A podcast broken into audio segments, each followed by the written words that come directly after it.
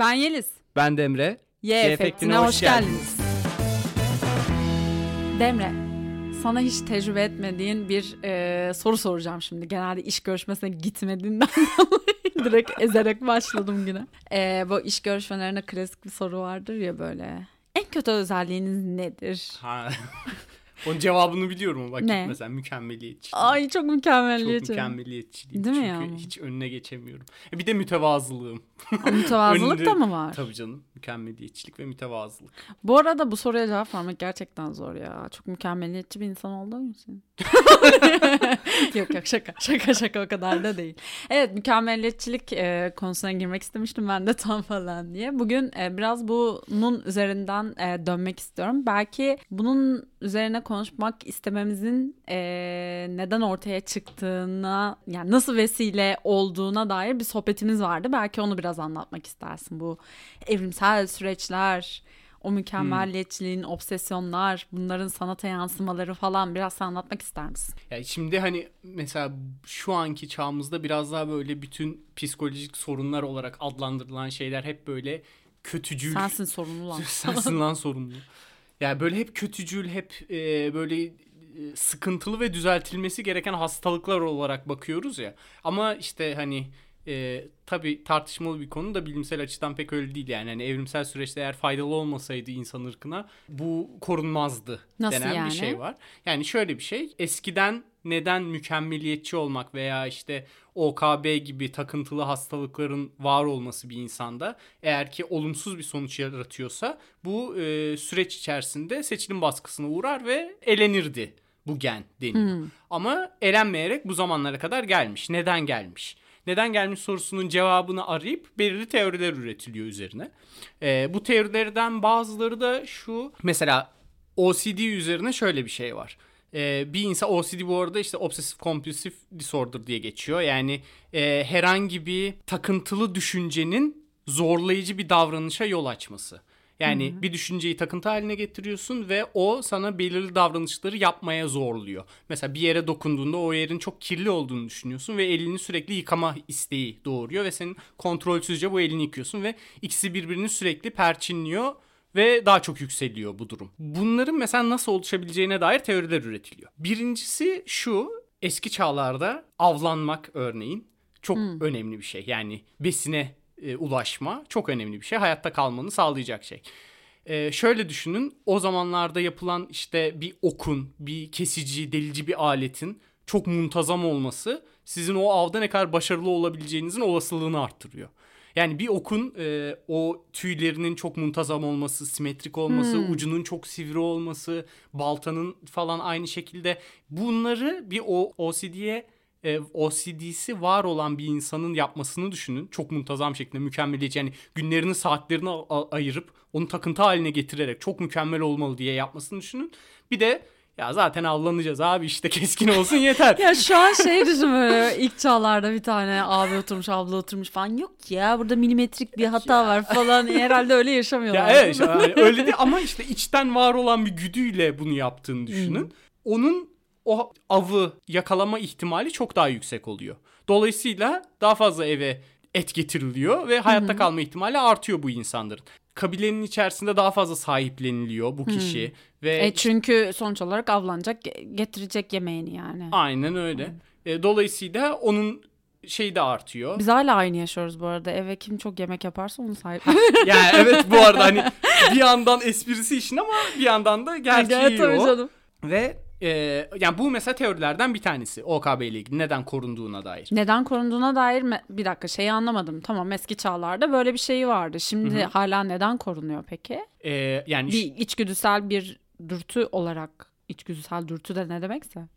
yani şu an zaten hani o oradan korunup yani şöyle düşünmek lazım. Bizim modern hayatımız eski çağa göre çok daha kısıtlı bir alan ya. Yani o yüzden e, çok uzun yılların getirdiği bir korunma şeyiyle buraya kadar gelmiş. Ama bundan sonra yok olmasının da bir e, nedeni yok. Çünkü şu an üzerimizde bir seçilim baskısı yok gibi bir şey. okey, Çünkü tamam. o o zamanki seçilim baş- baskısı baya orman kuralları. Yani o, o orada e, besine erişemiyorsan ölüyorsun.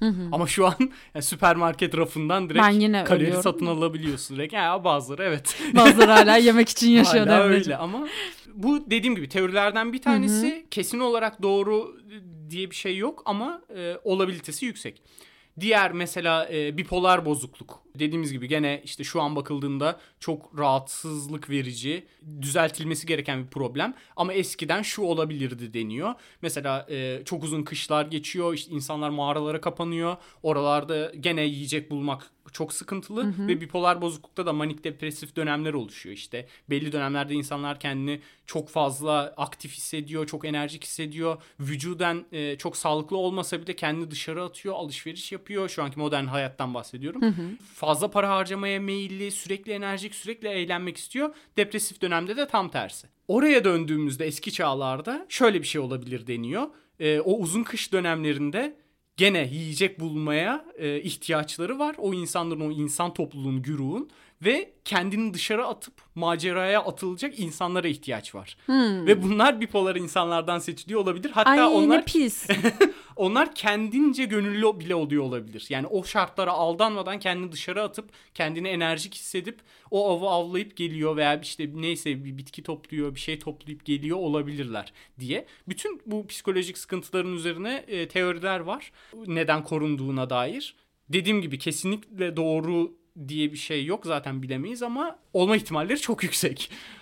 Böyle. Peki günümüzde sence nereye oturuyor mükemmelliyetçilik? Günümüzde de aslında bir nebze korunuyor diyebiliriz. Çünkü yani bence e, şöyle düşünelim yani kendini tüketerek bir işi yapmak var. Yani mesela çok basit bir Çok işi. tanıdık geldi. Değil mi? evet yani. Hani çok basit bir iş ve e, işte patronunuz, işvereniniz artık neyse size o işi verdiğinde sadece kotarmanızı o işi istiyor olabilir. Mesela bir belirli bir dönemin bana analizini çıkar, istatistiğini ver diyor. Sen gidiyorsun onun işte önceki grafiklerini karşılaştırıyorsun bilmem Yarama neleri parmak basma. İşte ama yani bu, bu bölüm biraz böyle olur. Biraz Ee, seans gibi Demreciğim, olacak ben, mi? Ağlamaya başlıyormuşum ben. Demreciğim biliyorsun ki ben çok mükemmeliyetçi bir insanım. Ee, en kötü özelliğim o diyeyim böyle. İş görüşmek- Evet. Ben sana iş vermeyeceğim. Rahat olabilirsin. Allah kahretmesin ya. Gerçekten bir hayrın dokunaydı da bir iş ayarlayaydın yani. Neyse ama evet e, doğru söylüyorsun. Evet yani kendini bitirmene gerek olmayacak şeydi bir de kendini bitirme isteği mi artık zorunluluğa mı dönüşüyor? Ee, belki o OCD ile harmanlanmış, o sıkıntılarla harmanlanmış bir tik atma isteği bile olabilir. Yani tamam bu işi tamamladım Ya- diyebilme, kendini rahatlatma. Şimdi psikolojide uzman değiliz ikimiz de hani Tabii, o konuda evet. hakem kesemeyeceğim ama e, bunun aslında hem iyi olabilecek hem kötü olabilecek örneklerini görebiliriz. Yani kötü olabilecek ne mesela bir işe hiç başlayamamak belki. Hmm. Yani Evet. yapamıyorsun. Düşünsene yani bunun mükemmel olamayacağını öngördüğün anda o işi bırakıyorsun ve adım atmıyorsun. Aslında bir de şöyle enteresan bir şey var. Her işte böyle. Yani yeni girişeceğin her işte belli bir pratik süresi var. Değil mi? Yani hani o pratik süresini geçmeden o işte uzmanlaşamazsın. Ama o pratik süresince çok kötü olacağını da belli bir gerçek yani. Mesela Tamam. sen çok kötüsün yani şu podcast'te güldüğünün eleştirisini yani Evet kaçıncı ya, bölüm? kaç Beşinci bölümdeyiz yani gerçekten atı- her de- hafta senin yüzünden aldığımız mesajların hatta hesabı çok dinleniyoruz. O yüzden aldığımız mesajlar falan. Çok güzel Altı yorumlar. metre bak hemen nasıl şey yaptım oradan Tek, kavradım tek eleştiri benim gülmem işte. Tek Çok gülmem. eleştirimiz o. Demreciğim mükemmel olduğumuz için iyice kafayı yemişim değil mi? Tutuyorum. Bundan sonra gülmeyeceğim. Hadi bakalım. ve Dedi ve güldü. güldü. Dedi ve Hadi güldü. Ee, ama gel yani evet doğru söylüyorsun. Sonuç olarak e, hiç bilmediğin bir alanda yani biliyor olsan bile sonuç olarak bir işe yeni başlıyorsan orada işte arazlar olacaktır, hatalar olacaktır falan ama yani çevremizde e, OKB'si olan işte ya da OKB olarak tanı konmasa bile işte o kaygıları yaşayan işte mükemmel olma kaygılarını yaşayan falan. Onun bir sürü dinamiği var bu arada Evet. tabii ki yaşadığımız dünyadan kaynaklı olarak işte sürekli olarak imajlara maruz kalmamız, o imajları gerçekleştirme baskısını hissetmemiz gibi bir sürü kriteri var bu mevzuların. Ama e, günün sonunda işte bunları yaşıyoruz. E, Çevremizde de görüyoruz. İşte mükemmel olamayacağını fark ettiği anda o işe hiç girmemek mesela. Bu arada şeyi de belirtelim. Bu işte anksiyetedir, depresyondur, OKB'dir bunların mükemmeliyetçilikle yüksek bir korelasyonu var ama aynı şey demek değiller. Yani hani şey diye bir laf var ya işte yüksek korelasyon nedenselliği ifade etmez ama değerli bir bilgidir gene de. Hani her zaman nedenselliği bu demek değildir ama bir yerden de bir etkisi var olabilir demek. E, yani tabii. hani direkt OKB olan herkes mükemmeliyetçidir diyemeyiz ama bir etkisi olabilir denilebilir. Ve bir, bir de şey de var. Ee, mesela hiçbir başlama hani pratik yapman lazım. İlk başta kötü olacaksın illaki ve temelden baştan vazgeçiyorsun. Ben bu işi yapmayacağım. Zaten mükemmel olamayacağım deyip bir bu eksisi var. Bir de şöyle bir şey var. Mesela atıyorum bir ilaç kullanacaksın veya bir tedavi göreceksin. Şey diyorsun.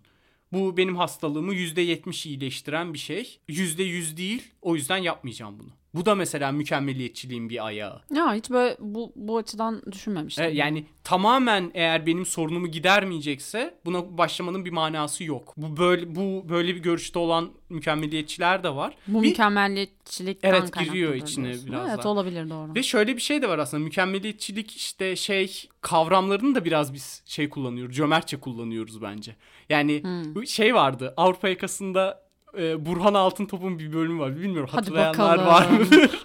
Ama şey diye bir bölüm vardı işte. Bende panik atak var diye bir bölümü Aa, vardı. evet ki ben Evet. bak hatırlamam genelde ama sanırım onu hatırlıyorum. E, o direkt Fake'ti falan değil mi Evet sanki evet ama? yoktu öyle bir Yoktu şey öyle ve bir şey yani o Tabii ki yoktu. zengin hastalığı deniyordu ona Ha. Ve o ona özenti duyup bende bu var diyordu mesela. E, şu anda onu yaşıyoruz. Mesela- Günümüzdeki anksiyetem var. Evet anksiyetem mevzusu ya. var. Tükenmişlik sendromum var benim. Yani o bitti be. Var Eskisi ya. kadar konuşulmuyor tükenmişlik yok, var. sendromu. Tükenmişlik Hala sendromu- tükenmişlik sendromu var mı? İşte şey stresli yaşam falan hani o tükenmişlik sendromu yaşayan gerçekten yaşayan insanlar da böyle migren işte bağırsak ağrısı işte e, hiç odaklanan falan böyle ciddi sorunları Hiç oluyor yaşamayacaksın değil mi bu sorunu ya? Ya, Hiç tükenmişlik yaşamışım. sendromu yaşamayacaksın değil mi? Pis. Arada arada ağrıyor ya karnım. Karnım ağrıyor değil mi öyle? ya şey acılı yemiş. Ama şey yani onlarda mesela biraz daha bence dikkat etmek gerek hakkında. Çünkü bence bu stresli olma işte hiç zamanım yok çok gerginim stresi biraz şey gibi geliyor bana. Böyle batıdan ithal edilmiş defolu bir ürün gibi geliyor. Sen bana mı laf sokuyorsun? Ben Sen ortaya bana- atarım üstüne alınan alınır. ya ama şey durumu gerçekten var ya böyle bir ara e, bende de böyle çevremizdeki herkeslere ya bende şu var falan Evet, diye evet. böyle farazi kendine bir e, tanı koyma hali Şey falan. canım yani başın ağrıyor Google'dan bakıyorsun. 5 dakika sonra en iyi kemoterapi nerede Ay alınır? tövbe estağfurullah. Allah Onlara korusun. bulaşıyorsun Allah'ım yani. sen. Evet. Ya hayır demeye çalıştığım şey de o değil. Böyle hani daha işte anksiyetem var gibi. Ee, ya anksiyetem var zaten başlı başına hatalı bir tanım ya bu arada. Evet. Anksiyete bozukluğum Evet. var gibi. Neyse e, bir ara gerçekten böyle herkesin e, arkasına sığındığı böyle işte agresyonunun açıklaması ya da işte bir şey yürütemediğini açıklaması olarak ona sığındığı bir kavram haline geldi Bence ya. sığınmaktan da ziyade böyle havalı ve cool zannetme sendromu o ya. Ya böyle ben çok gerginim, çok stresliyim, çok arkadaşlar Hmm. Bizim yani dünyamızda var havalı o ya. havalı olmuyorsunuz öyle olunca. Yani az Olmuyor uyumak da az, az uyuyunca da havalı olmuyorsunuz. Ben çok uzun 4 saat bana yetiyor. O, zaman da olmuyor. Hayatta da Yapmayın yetmiyor ya. Demre Gerek yetmiyor evet. Bana hiç yetmiyor. Kandırmayalım kendimizi. Neyse dur ya. Konu Nerelere getirdin gerçekten yani. Tamam sohbet muhabbet dedik de bu kadar da değil yani. Bir bir konumuz var onun etrafında dolanalım. Şeyi söyleyeceğim mükemmeliyetçi olmak her zaman insana ket vuran bir şey değil de sanki üretimi de besleyen bir şey Hmm. olabilir mi acaba? Cevabı içinde olan soru sordum. En de nefret ettiğim şey. Neyse sen buradan yürü. Yönlendir. Yürü Yönlendir. buradan. Yürü buradan. Evet şeyi bence de ayırmak gerekiyor yani sanatsal ve teknik anlamda böyle hani o işte ilk başta bahsettiğimiz böyle angarya işlerde biraz daha mükemmeliyetçi olmak mesela senden bir şeyler götürürken e, işi isteyen kişiye aslında çok e, verimli olabilir yani hani yüzde yüz mükemmel bir şey üretip ona feedbackte bulunabilirsin ama sanatsal anlamdaki bence senden götürmeyip biraz daha yaratıcı olmanı kamçılayabilir. Onu da ayırabiliriz belki. Nasıl yani? Mesela teknikle e, sanatın ya teknikte bu daha problemli bir hale gelebilirken e, sanat alanındaki bir üretimde daha yaratıcı bir şey olabilir diyorsun sanırım Ya değil bu mi? ta- Teknikte tabii ki- mesela nasıl ketleyebilir? Bence teknikte işte dediğim gibi sadece kotarılması için bile verilmiş. Çünkü insanlar şeyi ayıramıyor ya gerçekten mükemmeliyetçilik kavramına takmış verimli olma, her şeyin en iyisi olmaya takmış insanlarda. En ufak işte bile eğer ben yapıyorsam işte hani mesela senin özelinde Yeliz Öz, Özşen bu işi yapıyorsa mükemmel yapacak. Evet falan. Evet, yani hani en küçük yemişim. şeyde bile ama hani anlatabildim mi? En Ya küçük bir şey şeyde söyleyeceğim. mükemmel olmaya gerek var mı sorusu. Çok Yani alakasız olabilir ama e, bir kere bir arkadaşımla konuşurken falan bunu fark et. Yani bu, bu bende rahatsızlık yaratıyordu zaten. Yani burada bir problem var falan dediğim bir, bir, bir, bir şey vardı böyle. Sonra arkadaşımla konuşurken ikimizde de olduğunu fark ettim. Sonra böyle bir grupta WhatsApp grubunda konuşuyoruz. Sonra üçüncü Sonra arkadaş da mükemmeliyetçiler olarak WhatsApp grubu falan yani biliyorsunuz bizim skalamıza Sonra üçüncümüz de şey dedi böyle ya evet ben de aynı şeyi yapıyorum. Abi bir mail atmadan önce mesela beş kere kontrol etmek. Ya bunun muhtemelen başka bir sebebi de vardır da. Yani sadece mükemmel yani mükemmeliyetçilikle belki bir alakası da olmayabilir ama o da bir şey ya böyle hani doğru olması Evet. dürtüsü. Ve sen aslında o maili beş kere bu arada mailden kastım mesela şey işte merhaba X Bey işte e, mailinizi aldım teşekkür ederim. Mesela bunu yazacaksın. Yani bu kadar basic maillerden bahsediyorum.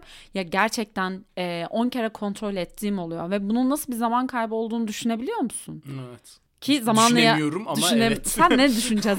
Gerçekten. Yine seni ezecek bir fırsat bulmuşken. Sen Ama ne bak- düşüneceksin? Bak gerçekten bazı noktalarda gerçekten bir dur demek gerekiyor ona. Ben mesela bu podcast'te bence örnek verebiliriz ona. Durmak.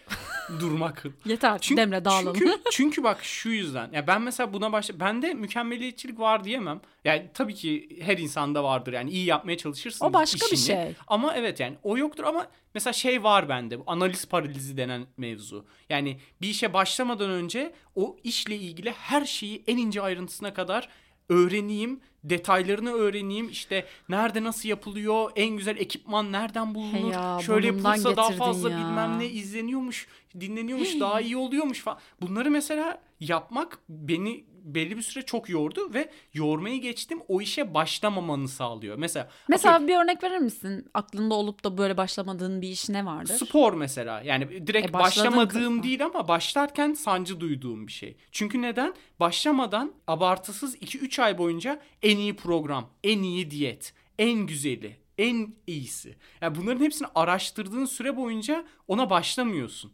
Ve başladığın süreç, başladığın zaman da onun en iyisi olması aslında o kadar efektif değil. O iki ay önce başlasaydım ve daha ortalama bir diyetle, ortalama bir programla başlasaydım o iki ay süresince zaten daha iyi bir yere gelecektim. Ya biz bunu burada mı konuştuk, dışarıda mı? Gerçekten günlük hayatımızda burası da hepten birbirine girdi. Şu an neyi nerede konuştuğumuzu hatırlamıyorum da bu şey mevzusunu konuşmuştuk ya mesela insanların genel olarak spora başlamamasının en büyük sebeplerinden biri uzun süreli düşünmemesi insanların aslında. Kısa vadeli düşünen varlıklarız. Galiba burada konuşmadık biz bunu. Yok, evet. Kısa da vadeli düşünen insanlarız ve e, aslında mesela iki sene sonrayı düşünmüyoruz. Yani Evet. biz üç ay içerisinde spor üzerinde konuşursak mesela üç ay içerisinde bir sonuca ulaşmayı bekliyoruz. Halbuki spor dediğin şey zaten öyle bir şey değil. Hepimiz deneyimleyerek öğrendik. Katiyen olmuyor üç ayda. Şey Neyse. ya hep en iyi anı, en mükemmel sıkıntısız anı bekliyorsun ya spora başlayınca. öyle bir dünya yok gibi. aslında Evet, ya, işte. her zaman hayatında sorunlar olacak. Sen onu bir şekilde o ihtiyaç sırasında yükseklere taşıyıp ben her anda bunu yapabiliyor olmam lazım. Bir şekilde zaman ayırıyor biliyor olmam lazım demek lazım galiba. Tamam bu konuda zaten sana gıcık oluyorum. O yüzden bu konuda konuşmak istemiyorum. Spor konusunu kapatırsak sevinirim. Bir de şey var. He, o şeye sahip olan insanlarda genelde ben şey gözüm. Belki doğru değil de süreçten keyif alamama oluyor. Yani sonuç odaklı değil mi?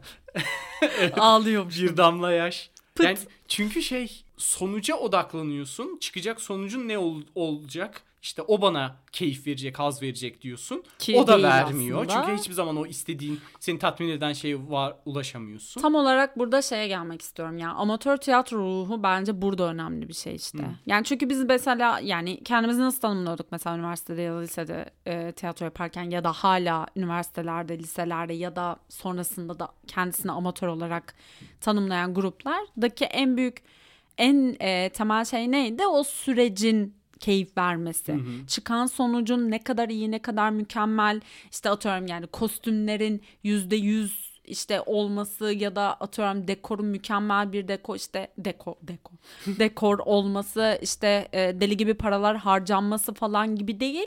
Bizim o süreçte neler öğrendiğimiz, nasıl keyifler aldığımız, kendimizi ve çevremizdeki insanlarla birlikte beraber nasıl geliştiğimiz nasıl değiştiğimiz gelişmek doğru değil mi? Nasıl değiştiğimizin asıl değerli olduğunu konuşuyorduk ya hep. Evet. E, bence bu mesela mükemmeliyetçi olmak ve amatör ruh burada as yani tam olarak farkı burada. Çünkü o süreçten zevk almaya bakıyorsun ama mükemmel olması mevzusuna döndüğünde konu o oyunun sahnelendiğinde işte dekorunun işte e, göz kamaştıran atıyorum. işte kostümlerin kusursuz olduğu bir de şeye e, dünyaya kanalize ol- olmaya başlıyorsun ve süreçte o provaların insanlarla bir araya gelmelerin işte o provalar sürecinde yürütülen tartışmaların falan hiçbir önemi kalmıyor. Çünkü sana negatif gelen bir stres oluyor. Evet. Çünkü zaten hepsinde stres var bu arada. Sonuçta bir şey üretmeye çalışıyorsun ve ürettiğin şeyin insanlarca izlenmesini ve kendini doğru anlatmak istiyorsun falan. Yani hepsinde bir stres var ama negatif stres, pozitif stres diye bir kavram var mı bilmiyorum şu an ama hani Şu an ürettim. şu an ne? ürettim ben ürettim. Varsa da ben ürettim arkadaşım. Aslında böyle şey Lakan üretmiş değil mi? Ben kendim üretmişim gibi davranıyor. Ya mesela bence amatör tiyatroyla o konuda bağdaşıyor. Evet. Çünkü o zaman işte şey oluyor yani diğer türlü düşündüğün zaman sanki oradaki bütün tiyatro grubunun elemanları e, senin yapmaya çalıştığın işi sabote etmeye çalışıyor gibi oluyor. Mükemmeliyetçi ve çok iyi olmasını Hmm. Çünkü istiyorum. yapmıyorlar ya Evet, da beceremiyorlar yapmıyorlar, falan. Beceremiyorlar ki belki bambaşka düşünce süreçleri var o insanların onu da bilemezsin. Yok yok falan. Ama diğer türlü baktığın zaman gerçekten hep birlikte ortak bir şey üretmeye çalışıyoruz Evet. oluyor. Ki bir de şöyle bir şey var yani fiziki olarak da imkansız mükemmel olmak. Yo, Ki değil. bizim bizim şeyimizde, bizim şartlarımız altında nereden bulacaksın? O kadar parayı da kostüme, dekora bilmem neye Ya zaten aktaracaksın. amatör tiyatro ruhunun çıkma mevzusu o yani. Bizim lisedeyken hatırla işte her gün zaten alıyorsun 5 lira harçlık. Ya daha geçen gün muhab- bunun muhabbetini yaptık bu arada. Yani ben gerçekten lisede günlük 5 lira harçlık alırdım falan. Ee, Ama o- 5 lira da 5 liraydı şimdi o Hiç zaman. de değildi bu arada. Yine çok azdı. İşte ne bileyim günde bir öğün yemek yiyordun yani. Bizde bir de öyle yemekhane falan da yoktu. Neyse. Geçmiş tam bir şeye bağladım Evet. ya anneanneye bağladım bizim zamanımızda. Neyse demeye çalıştığım şey şu işte günlük o harçlığından 3 kuruş kenara atıyorduk. İşte onları birlik, biriktiriyorduk. Dekoru kostümü oradan çıkarıyorduk ve e, belki de tam yani bugün konuştuğumuz mevzuya da denk gelen bir şey. Mükemmel olsun diye çabalamadığımız ama içimize sinsin ve kendimizi var edelim diye çabaladığımız mesela bizim bir kostüm çalışmamız vardı. Bu arada da bugünlerde benim çok karşıma çıkıyor bu konu. Şey şile bezi değil de ne deniyordu ona işte? E, keten ketenimsi bir şey yani. Herhalde tam hatırlamıyorum. Böyle çuval ya çuval bildiğin, Çuval bildiğin ya. patates çuvalı ya. Yani o patates çuvalının yapıldığı kumaş. Şimdi adını hatırlamıyorum. Yani bayağı bildiğin o kahverengi işte böyle kokan. O kokusunu hala aldığımda bu arada ben duygulanıyorum. Öyle bir dünya. İşte o en ucuzu. Ee, bizim zaten paramız yok. Ee, galiba e, bu kostümü yaptığımızda yanlış hatırlamıyorsam sezonun iyi insanı oyununun kostümüydü. Saklı Sabancı Anadolu Lisesi tiyatro topluluğunun oyunudur. Buradan da reklam olsun. Ee, neyse işte biz hani ucuzundan bir şeyler yapmaya çalışıyorsun. O- oyunda da işte toplumsal sınıflar falan filan var. İşte her rolün işte temsil ettiği bir dünya var falan. İşte onları da kostümlerde de göstermek istiyorsun ama paran yok.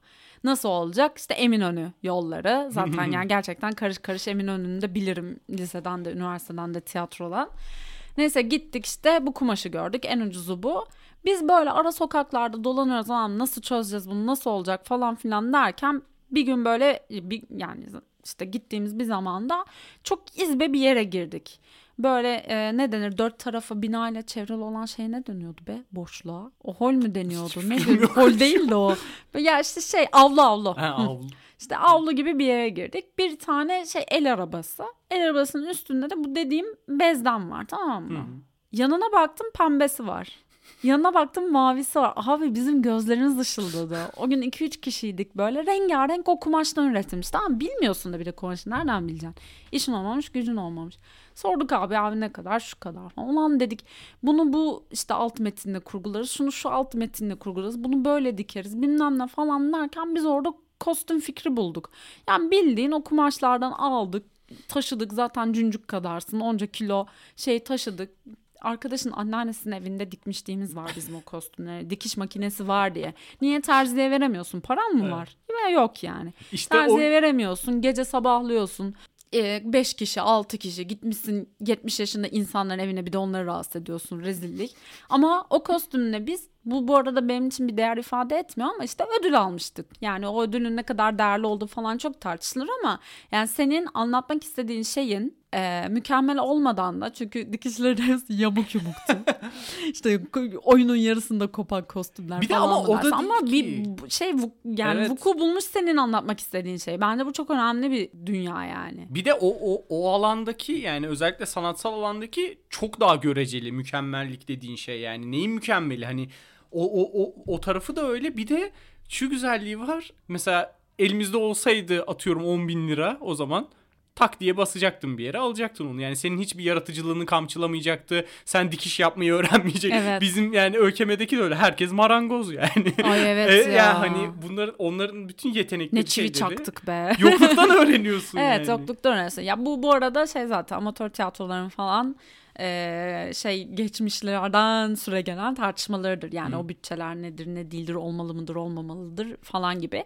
Bu arada mükemmel olmamak kay- yani eee, kıt kanaat şeylerle ve mükemmelliyetçiliği kovalamak yerine ne anlatmak istiyoruz sorusuyla yaratıcı olmanın yanında bence o mükemmelliyetçilik dürtüsüyle de yaratıcı olmak gibi bir şey var ama. Evet. Evet yok yok o kesinlikle var. Yani Ben buradan bir film konuşmak istiyorum. Hadi bakalım. Abi bu filmin kesinlikle Türkçesini söylerken bile ağzım karışıyor. İngilizcesini nasıl söyleyeyim ben ya? Aşçı, Türkçeyi söyle hırsız, bulurlar. e, aşçı, hırsız, karısı ve aşığı. Abi böyle bir film ismi olabilir mi diyeceğim ama olmuş yani gerçekten. Sen filmi izledin mi? İzledim. Nasıl buldun? Beğenmemiş pis. Pek be ya bak şöyle yani çok farklı. Deneyim olarak farklı bir şey gerçekten. Çünkü Ki bir de yapıldığı tarihte bin, e, 80'lerdi galiba. 89. Evet, yani aynen. bence o 90, dönem evet. için Vay yo, o dönem gerçekten çok Ve hani şeyi fark ediyorsun. Bu adamın bir derdi var ya. bir sıkıntısı var En azından bir ya. derdi var. Evet yani hani ilk 10 dakikada bile onu fark ediyorsun. Yani normalde mesela ben daha çok hikayenin içine giren, daha böyle hani teknik ayrıntılara dikkat etmeyen bir insanım. Yani şeyi Hmm. izlerken herhangi bir film veya tiyatro izlerken. Ya ilk defa şey Evet, yaptım. daha, daha çok hikayeye odaklanırım Allah ama Allah. onda seni zorluyor. Yani bu film özelinde e, seni Özdeşleşmeni engelliyor ki bir kere. Evet yani o kameranın hareketi, e, etrafta kullanılan renkler, sürekli değişim, e, her şeyin nizami olması. Filmi Çok bir tık farklı anlasak mı acaba? Yani film çok böyle ne Anlat. şey yani en azından konuştuğumuz şeyin bir anlamı olsun. Yani filmin aslında e, anlatmakla bitmez bir film bence bu arada. Yani beğenmek beğenmemenin ötesinde de sonuç olarak işte çok fazla at metni bulunan bir sürü tekniğin kullanıldığı falan da bir film ama filmde genel olarak e, belli renklerin kullanıldığı ve o renkler mesela şöyle işte en, en basit anlatabileceğimiz şey mesela restoran sahneleri var. Restoran genelde e, kırmızı ya da kırmızının tonlarıyla dekore edilmiş. Mesela kadın e, kadın işte kırmızı bir kıyafeti var. İşte kalkıyor ben tuvalete gideceğim diyor. Neyse fıkıdı fıkıdı gidiyor. İşte banyoda bembeyaz. Banyoya giriyor kadının baştan aşağı bembeyaz oluyor. Kıyafeti, eldivenleri falan. Ben bunu ilk böyle filmi izlerken böyle ilk gören ooo falan diye ve ben bunu fark ettim diye de bir heyecanlandım. Ben genelde böyle şey kör de izleyici olabiliyorum çünkü falan. Ay işte kamera açıların hep aynı plandan çekilen kamera açıları var. Ya bayağı şiddet e, içerikli. Alt metni falan yani burada hani biz bir sinema programı da değiliz. O yüzden çok uzun uzadıya konuşmayacağım ama işte renklerle kamera açısıyla mesela işte dışarıdan içeriye girecek duvardan geçen bir kamera açısı kullanıyor. Hı hı. Tam anlatabildim mi izleyenler daha iyi anlayacaktır.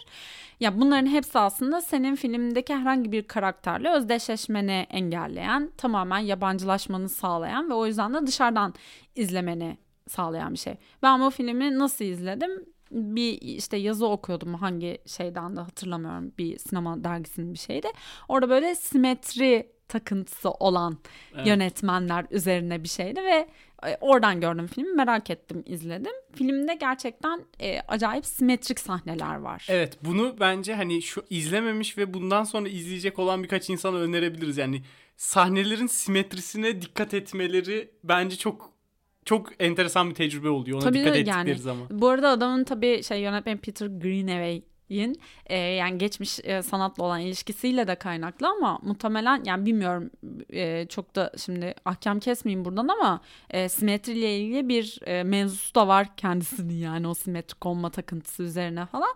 Onu da e, hikayenin anlatıcılığına yedirmiş ve bir yandan da o kadar simetrik idealize edilen bir dünya ki içinde şiddeti barındırıp aynı zamanda idealize edilen e, bir dünya ki sen zaten o dünyanın gerçekçiliğine inanmıyorsun ama bir yandan o şiddeti görüp zaten kendi dünyadan da olduğun için özdeşleşiyorsun, yabancılaşıyorsun gibi böyle sürekli seni manyağa çeviriyor. Hatta bana şeyi film. hissettirmişti yani o oradaki protagonist diyebileceğin o karşıt karakterin sanki yönetmenin kurmaya çalıştığı o simetrik muazzam mükemmel dünyayı sürekli kaos getiren ve bozmaya çalışan bir insan gibi. Şey hırsızı mı diyorsun? Evet hırsız yani. Yani. sürekli yönetmenle sanki yani yönetmen de demeyeyim artık hani yani filmin Filmle, kendisiyle evet. bir derdi var ve onun yaratmaya çalıştığı mükemmel ortamı sürekli bozmaya çalışıyor gibi hissetmiş. O mesela çok büyük bir keyif Ya vermişti. zaten masayı dağıtma sahneleri. Evet. Mesela işte restoran sahneleri var. Mükemmel. Bu arada şey yani yeme yemeğiyle kurduğumuz bağ, kapitalizm, işte sınıflar bilmem ne yani bir sürü şey söyleyen bir film bence. İşte et, etin çürümüşlüğü yani mesela o kadınla adamın e, kamyon et çürümüş etlerinin Hmm, içerisinde evet. bindiği sahne falan yani bir sürü metaforik anlamları olan bir şey de neyse. Restoran sahnesinde mesela masanın e, simetrileri mükemmel olması falan adam bir anda fıt diye dağıtıyor mesela masayı. Evet. Yani, O, o senin sinirini bozuyor. Yapma Evet. çok güzel diyorsun. Değil mi? Belki Mükemmel. onu hissettirmeye çalışmış da olur. Ama Evet. benim benim işte beğenmememi sağlayan bir neden oydu. Yani o aligorik anlatımı ben pek sevmiyorum. Yani ben bunu Hmm. anlatmaya çalıştım. Bilmiyorum o bana biraz biraz sığ geliyor. Yani çok derinlikli gözüküp sığ olan şeyler vardır ya. Bilmiyorum bana biraz öyle geliyor. Hmm, Sen kimsin? gıcık falan. Demre yani. Ya Çok bu- Peter bu- Greenaway'in de çok da Ama umurundaydı. bence değil mi? Evet ya sen kendini ne ne şey dinleyip ağlıyorlarmış falan değil mi yönetmenler bizi burada dinleyip dinleyip. Ama şey yani şuraya geleceğim. Filmin eleştirisini eleştirmezsin falan filan onların hepsinden ziyade bence hani sonuç olarak işte anılan işte hala izlenen sonuçta 89'da çekilmiş işte e, ve bir şekilde dikkat verilen bir film. Ve bu filmin temelinde o simetri tutkusu var aslında. Yani o, o onu demeye çalışıyorum. Yani o obsesyonlar, o simetriler, o mükemmel olma hallerini aslında kontrol edip belki de bir üretime de çevirebiliriz. Bu bizim Evet. günlük hayatımız için de geçerli bence. Yani neye takıntılıyızı görüp zaten onunla anca o şekilde başa çıkabiliyorsun bence. Onun ya hastalıklı demek istemiyorum bence doğru bir kelime değil çünkü ama senin hayatına ket vuracak bir şeye döndürmemek onunla haşır neşir olup onu bir üretime çevirmek asıl zor olan ama asıl da güzel olan sanırım. Evet. Yani senin zayıflık olarak gördüğün şeyi perspektifini değiştirip ondan faydalanabilirsin. Vallahi öyle. Ve yani şey şey diye bitirebiliriz bence ya. Çok takılmayın. Şey diye bir laf var ya. Ne yapıyorsan yap hep senden daha iyi yapan bir Japon vardır. Böyle bir laf mı var ya? var. Ya Nasıl İngiliz, ya? İngilizcesi var da yani. Senden her zaman daha iyi yapan söyle bir de Japon bence vardır. daha şey diyor. Söyleyemedin. Söyleyemem şimdi ben daha olmaz. filmin İngilizcesini söyleyemiyorum ya gerçekten. ya. Türkçe konuşamıyorum ben zaten de.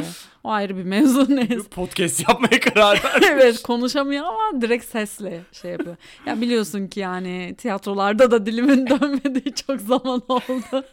Sahnelerde ne dediğimi kendimin bile anlamadım. Ee, o zaman Demre'cim bu e, su gibi akan zamanlar için sana teşekkür ediyoruz. ne demek efendim? Bir bana teşekkür etsene. Ha, aferin. Görüşmek üzere haftaya. Görüşmek üzere efendim. Fugamundi sundu.